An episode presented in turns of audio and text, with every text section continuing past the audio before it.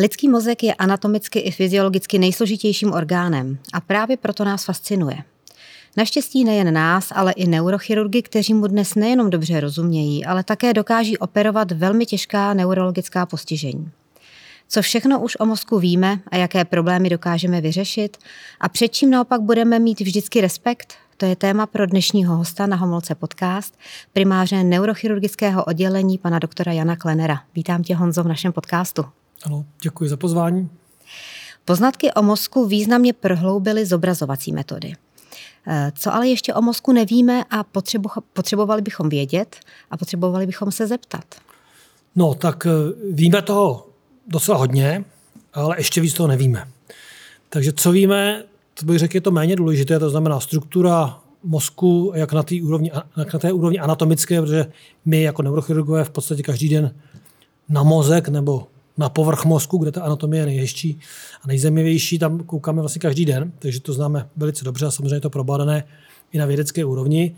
Známe dobře poměrně mikroskopickou strukturu, známe i strukturu mozku, kterou nám poskytuje ten obraz zobrazovací metody, které jsou dneska samozřejmě velice pokročilé, ale to podstatné, proč vlastně ten mozek máme, to znamená ta funkce toho mozku, tam toho víme poměrně málo. Protože víme, že máme, já nevím, jakým 100 miliard neuronů, každý má možná 20 tisíc synapsí, takže to dává obrovské číslo, někdy se říká biliarda, pod tím já už si nejsem schopen nic představit. A samozřejmě tenhle ten někdy se říká superpočítač, jako funguje eh, pochopitelně na velice složité bázi, ale on to není jenom superpočítač, protože superpočítač eh, sice dokáže eh, velice rychle spočítat obrovské množství dat, ale nemá kreativní myšlení, nemá emoce, a nemá takové ty věci, které vlastně dělají lidský mozek lidským mozkem. Takže tyhle ty věci bychom potřebovali vědět. Víš o něčem konkrétním, co bychom se mohli v blízké budoucnosti dozvědět, na čem se pracuje, na čem dělají nějaké vědecké studie? Samozřejmě vědecké studie se dělají na nepřeberné množství eh, oblastí z hlediska mozku. Samozřejmě zatím jsou to spíše ty jednodušší, to znamená například náhrada smyslu, jako prostě náhrada lidského oka, náhrada lidského ucha, to jsou věci, které jsou relativně ještě jednodušší, ale jakmile se dostaneme na úrovni vyšší nervové činnosti, tak přestože se dneska hodně hovoří o takzvané třeba umělé inteligenci, což je ovšem trošku nadnesený pojem, protože to vlastně spočívá v tom, že ten počítač se naučí téměř nekonečné množství dát velice rychle a je schopen je nějak použít, ale právě třeba to kreativní myšlení tam chybí. Třeba eh, v oblasti eh, onemocnění míchy eh, při úrazech páteře je něco, co by mohlo v blízké budoucnosti pomoci k tomu, že by... V blízké budoucnosti pravděpodobně ne. Zase probíhá pochopitelně výzkum, který už probíhá docela dlouhou dobu a už před relativně dlouhou dobu to vypadalo jakoby velice nadějně, ale bohužel, jako řekl bych, takové praktické překážky ještě vlastně dávají zatím velice, velice jakoby slabé výsledky řekl bych, pro, pro zlepšení funkce toho pacienta. Zase to několika směry, ať už přes kmenové buňky nebo nějaké elektronické eh, jako vlastně ovládání eh, těch končetin, ale zatím to jako nedosáhlo eh, nějaké masové, masového užití pro, pro gro těch pacientů, kteří jsou takhle postižení.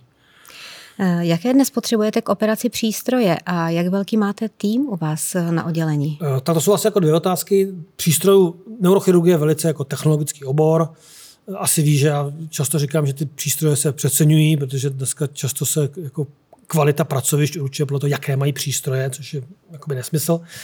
Pochopitelně v řadě věcí nám ty přístroje pomáhají a my u nás máme řekl bych, to nejmodernější vybavení, včetně navigačních systémů nejmodernější generace, mikroskopů nejnovější generace, intraoperační magnetické rezonance, elektrofyziologických systémů a td. a td. Těch věcí je hodně.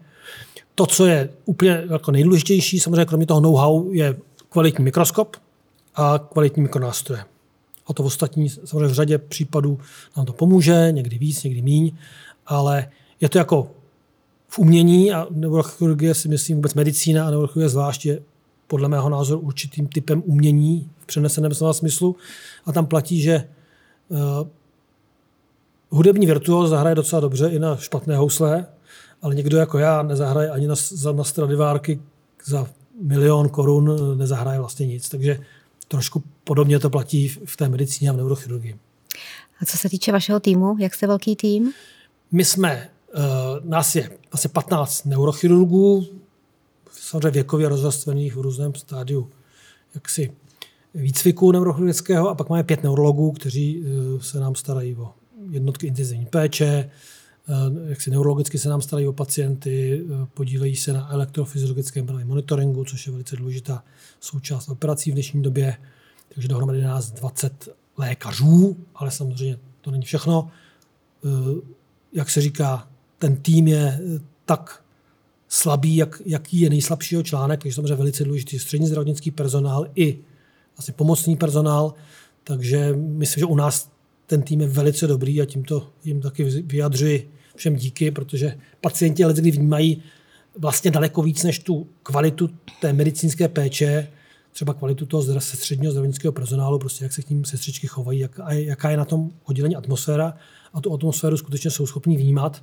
A musím říct, že e, u nás opravdu většina pacientů je velice spokojených a to nemyslím tak, že jakoby, samozřejmě vždycky mají tendenci pacienti jak si pochválit to pracoviště, ale u nás opravdu máme opakované zkušenosti, že lidi leželi na x jiných pracovištích a, a jako u nás, eh, někteří dokonce říkají, že se jim ani od nás nechtělo, což se mě přivede k smíchu.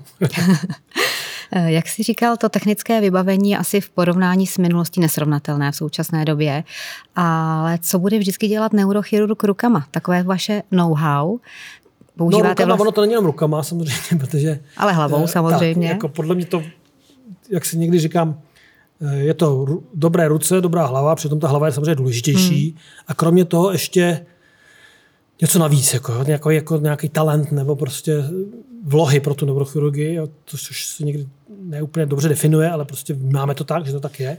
A to je naprostý základ, naprostý základ. Jo. Takže uh, my třeba u nás na oddělení se snažíme každou operaci prostě neustále zlepšovat různými detaily.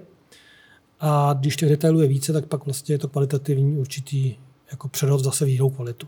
Takže eh, to je to nejdůležitější a ty přístroje to jsou výborní pomocníci a samozřejmě jsou důležití a užíváme je a zlepšují kvalitu naší práce, ale není to to podstatné. Když jsme u té práce rukama, je také něco, že si třeba sami vyvinete nebo necháte vyrobit eh, mikronástroje, které vám vyhovují natolik, že třeba používáte a nejsou třeba běžně standardem? Ano, máme několik, dokonce v Japonsku nám vyráběli takový speciální disektor, protože pro takový speciální krok jedné operace u vestibulárního šonomu. Takže samozřejmě... Což je? Což je sluch, nádor ze sluchového nervu, mm-hmm. či někdy se tomu říká neuronem akustiku, správně i vestibulární švanom. Takže tam jsme si nechali vyrobit eh, vlastně doplnit sadu takových preparátorů jedním specifickým typem. Ty jsi specialistou především na nezhoubné nádory, aneurizmata, nádory míchy. Eh, jaké typy operací, jestli se to teda říct, máš nejraději? Na kterou práci se nejvíce těšíš? Tak eh, jsou to operace, které nejsou, dejme tomu, nějak úplně nejdelší nebo řekl bych vyčerpávající, protože některé výkony jsou hodně dlouhé a prostě je to, je to takový boj. Čili jsou poměrně relativně, jak odsýpají, bych tak řekl. A Což je hlavně, teda časově, časově jak takové? Tak u nás kratší operace, dejme tomu, se můžou pohybovat od hodiny a půl po tři hodiny, ale ty delší pak 4, 5, 6, 7 hodin i víc. Hmm. Takže pochopitelně kratší jsou jakoby většinou příjemnější a důležité je taky, aby pro toho pacienta, eh, aby to riziko pro toho pacienta bylo co nejmenší, aby pacient pokud možno přišel na operaci s obtížemi nějaký, odcházel bez obtíží nebo minimálně ten pooperační průběh u něj byl co, co nej, nejpříznivější. Takže když mám říct, co dělám rád, tak jsou to třeba výdutě aneurizmata, neprasklá, která se operuje vlastně preventivně a to je taková hezká, čistá operace, která je poměrně svižná a vlastně pacienta zbaví rizika krvácení z té výdutě, nebo řekl bych některé nádory spíš třeba menší, vestibulární švanom, je to taková hezká práce, kdy jak si bojujeme o zachování sluchu, lícního nervu, u těch jako menších bych řekl, jako příjemnější pro toho chirurga, než u těch velkých, kde to je opravdu hodně práce a jsou tam i nějaká rizika, samozřejmě potom stoupají. I u nižších nádorů třeba, což je samozřejmě pro pacienta relativně jakoby v úvozovkách riziková operace, ale zase je to vlastně neuvěřitelné, že jste schopni vyndat z míchy, což je vlastně měkká tkáň, nevím, jako mužský palec, dejme tomu, eh, v průměru, a z toho jste schopni vydat poměrně velký nádor a ten pacient po operaci prostě má zachované funkce a chodí, což je pro mě stále po mnoha, mnoha letech a mnoha, mnoha míšních tumorech skoro nepochopitelné, ale je to tak, dá se to. Je to samozřejmě, zase jsou důležité ty detaily, aby ta operace byla skutečně provedena do, do posledního detailu precizně, ale pak ten výsledek je jako velice uspokojivý. Takže to je třeba další. Eh, ale jakákoliv operace, která prostě pacientovi přinese pozitivum, je vlastně, hmm. je vlastně uspokojivá, ať už je jednoduchá nebo složitá. Eh, jde o toho pacienta, to je to nejdůležitější. A na jaké typy operací se tým našich neurochirurgů, eh, neurochirurgů specializuje u nás v nemocnici na Homolce? Tak my, my se specializujeme na jako několik řekl bych, takových skupin operací asi spatříme mezi jaksi přední pracoviště, dejme tomu, eh, v, v oblasti eh, například těch vestibulárních švanomů, o kterých jsme se zmínili, eh, některých typů protibolestivých výkonů, například mikrovaskulární dekomprese, je to oblast epileptochirurgie, je to a další a další. Samozřejmě máme velký program páteřní chirurgie, v současné době máme asi, asi patříme mezi přední pracoviště v oblasti endoskopických eh, páteřních výkonů. Máme a vůbec jako v těch eh, páteřních výkonech máme vlastně největší, největší čísla v České republice. Eh, Mini-invazivní výkony. Často slyšíme toto spojení i v jiných oborech. Můžeš nám vysvětlit, co to přesně znamená a které typy výkonů se v neurochirurgii dají provádět mini-invazivně? Ano, mohu. Já úvodem řeknu, že eh, úplně nemám, byť to velice používá, takové zaklínadlo mm, mm. a nemám to úplně rád z toho důvodu, že někdy z toho vyznívá, že je správné jenom to, co je mini-invazivní. Mini co to znamená mini-invazivní? Mm. Mini-invazivní znamená, že ten člověk má malou nebo žádnou jizvu, že dejme tomu, že může z nemocnice odejít brzo, že má dobrý kosmetický výsledek. Krátkou rekonvalescenci. Krátkou rekonvalescenci ale e, podstatná vždycky je ta bezpečnost a účinnost toho výkonu. Takže samozřejmě v některých případech je to velice dobře, dobré, velice adekvátní a správné, ale někdy se to nadužívá a to podstatnější na tom je ta bezpečnost výkonu, aby ten výkon byl proveden, řekl bych, s dobrým léčebným efektem, aby ten problém byl vyřešen. Takže v neurochirurgii máme, když to rozdělíme na mikrochirurgii, klasickou takzvanou neurochirurgii, tak i tam se samozřejmě snažíme snižovat tu invazivitu, takže postupem vlastně právě jako vytříbením toho know-how a, a, a aplikací těch různých de, detailů postupně docházíme k tomu, že operace děláme z menších přístupů. E, my jsme vlastně takový průkopníci v naší zemi té bezretrakční neurochirurgie, že nepoužíváme vlastně mozkové lopatky, ten mozku se prakticky u řady v operací mozkových prakticky nedotkneme. Pacienti chodí dřív domů, mají dobrý kosmetický výsledek, takže i v té, jak řekl bych, takzvané klasické mikrochirurgii se ta invazivita samozřejmě snižuje.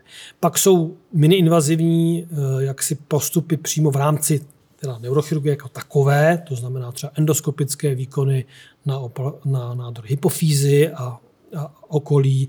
Některé komorové nádory se dají dělat mini-invazivně, jak už jsem zmínil.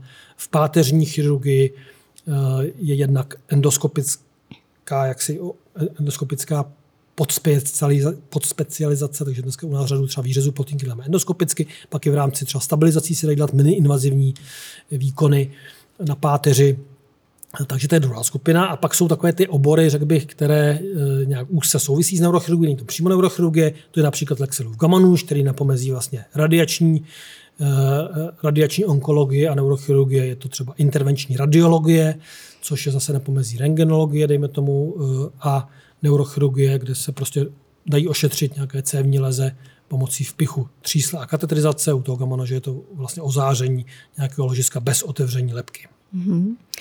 Nechci tady úplně odkrývat vaše know-how, jenom mě zaujal termín neurochirurgické lopatky. K čemu slouží a jak to teda děláme, když se vyhneme jejich použití? Tak ono je to jako pro, laj, pro lajky trošku obtížně vysvětlitelné, ale jaksi uh, historicky a ještě na řadě neurochirurgii u těch, u těch operací, kdy pronikáme vlastně do, do uh, hlouby, nitrolebí, to znamená řada těch, jak si, jak si zmiňovala, že se specializuje třeba na nádor lebeční spodiny, nebo třeba ty aneurizmata, ta vlastně nejsou uložena přímo jako uvnitř mozku, ale jsou vlastně na té spodní lebeční. To znamená v hloubce nitrolebí, kde vlastně ten přístup k tomu svým způsobem zakrývá ten mozek. Hmm. Dříve se to dělalo tak, a na některých pracovištích se stále tak dělá, že první, co se udělalo, že se dali mozkové lopatky, což jsou vlastně takové jakoby špachtle, třeba přirovnám, které otáhly ten mozek, aby se vytvořil prostor. Prostě se trošku jako za ten mozek zatáhlo, tím pádem ten mozek ustoupil a vytvořil se ten prostor, kterým se dalo dostat k té hluboké, hluboce uložené lézy nějaké. My jsme to samozřejmě nevymysleli, to je věc, kterou v zahraničí už, už byla známá. Já jsem měl to štěstí, že jsem, že jsem byl na, na řadě jako dobrých pracovišť v zahraničí a tam vlastně jsem se to naučil. A Tady to spočívá vlastně v aplikaci jako jednoduchých principů, což je vlastně správné napolohování pacienta, aby gravitace nám pomohla s tím, že ten mozek vlastně spontánně takzvaně opadá gravitací a je to vlastně zvolba správné strategie, a jejíž výsledkem je ten, že vlastně se dostaneme k té, k té patologii, která je třeba vlastně uprostřed hlavy nebo velice hluboko, takže vlastně se toho mozku téměř nedotkneme nebo ho jenom nástroj mírně jaksi Eh, mírně s ním manipulujeme a dostaneme se tam vlastně velice šetrně. A ono nejen to, že zabráníme, dejme tomu, možnému poškození mozku těmi retraktory, ale což si myslím, že je ještě důležitější, že vlastně nám to umožní daleko plynulejší eh, jak si chod té operace, to znamená, je to takový flow, jak se třeba říká někde hmm. na kole nebo tak, prostě, že můžeme z, podle potřeby velice jednoduše měnit, přecházet z jednoho místa na druhé, nemusíme přestavovat nějaké Tím, lopatky. že polohujete. Ty struktury nejsou hmm. napjaté, mám pořád zpětnou vazbu od hmm. toho mozku, že vnímáme, jak ten mozek se chová, což je při té operaci velice důležité. Jo.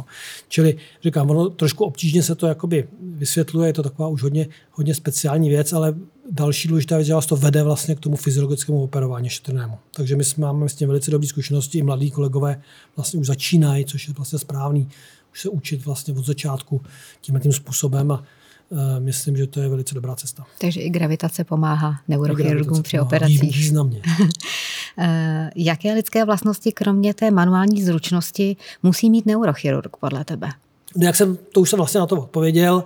Eh, je to samozřejmě to podstatní je v té hlavě, že člověk musí, musí eh, jako jednak mít nějaké znalosti pochopitelně, jednak eh, mít takový jako technický talent nejen jako v, dejme tomu v těch rukách, ale i v tom myšlení, že prostě je schopen řešit s technické problémy, improvizovat, hmm. protože to je velice důležité, protože u nás vlastně eh, v té oblasti, kterou já se zabývám, je de facto každá operace jiná. Tam je málo jako takových úplně standardních operací, které by jako byly jedna jako druhá. Tady často vlastně nevíme úplně přesně, přes všechny vyšetřovací metody, vlastně hmm. úplně přesně do čeho jdeme, čili jo, třeba v mozkové aneurizma vlastně po každé jiné. Jo. Máme samozřejmě nějak, to jsou hodně podobný, ale v zásadě je každé jiné. My vlastně dopředu ani stoprocentně nevíme, jestli vůbec jde vyřešit. V naprostý většině případů pochopitelně jde vyřešit, ale tím je to zajímavé, že vlastně vždycky mm-hmm. musíme hledat nějaký, nějaké originální řešení. Uh, uměl bys odpovědět na to, když se tě zeptám, proč jsme zapomnětliví, když stárneme? Tak, uh, asi to souvisí jako s několika možnými, možnými jevy. Obecně s věkem dochází k nějakému úbytku nervových buněk. Dříve se myslelo, že nervové buňky vůbec vlastně se neobnovují, což dneska víme, že to není úplně pravda.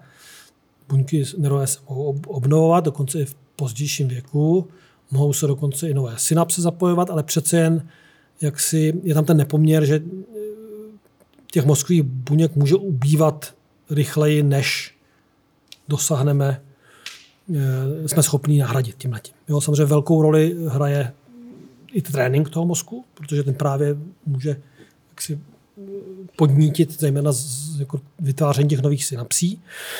A pak jsou to pochopitelně změny cévní, který s pokročujícím věkem kvalita našich cév se obecně zhoršuje, či to prokrvení mozku taky může postupně degradovat. A samozřejmě může se nám hromadit i amyloid a další vlastně produkty související eh, někdy s Alzheimerovou chorobou, protože je určitá teorie, že pokud bychom žili dost dlouho, takže vlastně všichni bychom měli Alzheimerovou chorobu. Kdyby lidi, lidi se dožívali 180 let, tak pravděpodobně všichni skončí na Alzheimerovou chorobu. To já nejsem na to specialista, nejsem schopen pozvědět, je to pravda, ale jsou takové názory, že vlastně ten, ty změny probíhají u každého a jenom u té nešťastné části těch lidí dospějou do, do, do toho stádia, kdy se to projeví za života. Ostatní jakoby umřou dřív, než se to u nich projeví. Jak kompenzuješ to velkou, velké soustředění při operacích? To se asi nedá jen tak vydržet bez toho, aniž bys to nějak... No, tak je potřeba si trošku jako provětrat pochopitelně, protože já jako rád se pohybuju obecně. Jak říkám, dělám ho, jakoby hodně sportu, všechny rád a žádný nějak zvlášť dobře, ale hmm. jakoby preferuju spíš individuální, individuální eh, outdoorové aktivity, takový, takže v zimě teďka je to nějaký lyžování, snowboarding, v létě rád jezdím na windsurfingu, Teďka jsem pořídil nově foil, což je taková novinka. No a všechno možné, chodíme po horách, jezdím na kolerát, tenis si občas zahraju, takže spousta věcí, ale říkám, v ničem jsem nezávodil, ničem nejsem žádný expert, ale všechno dělám rád a pomáhá to samozřejmě v tom odreagování, kromě jiných věcí.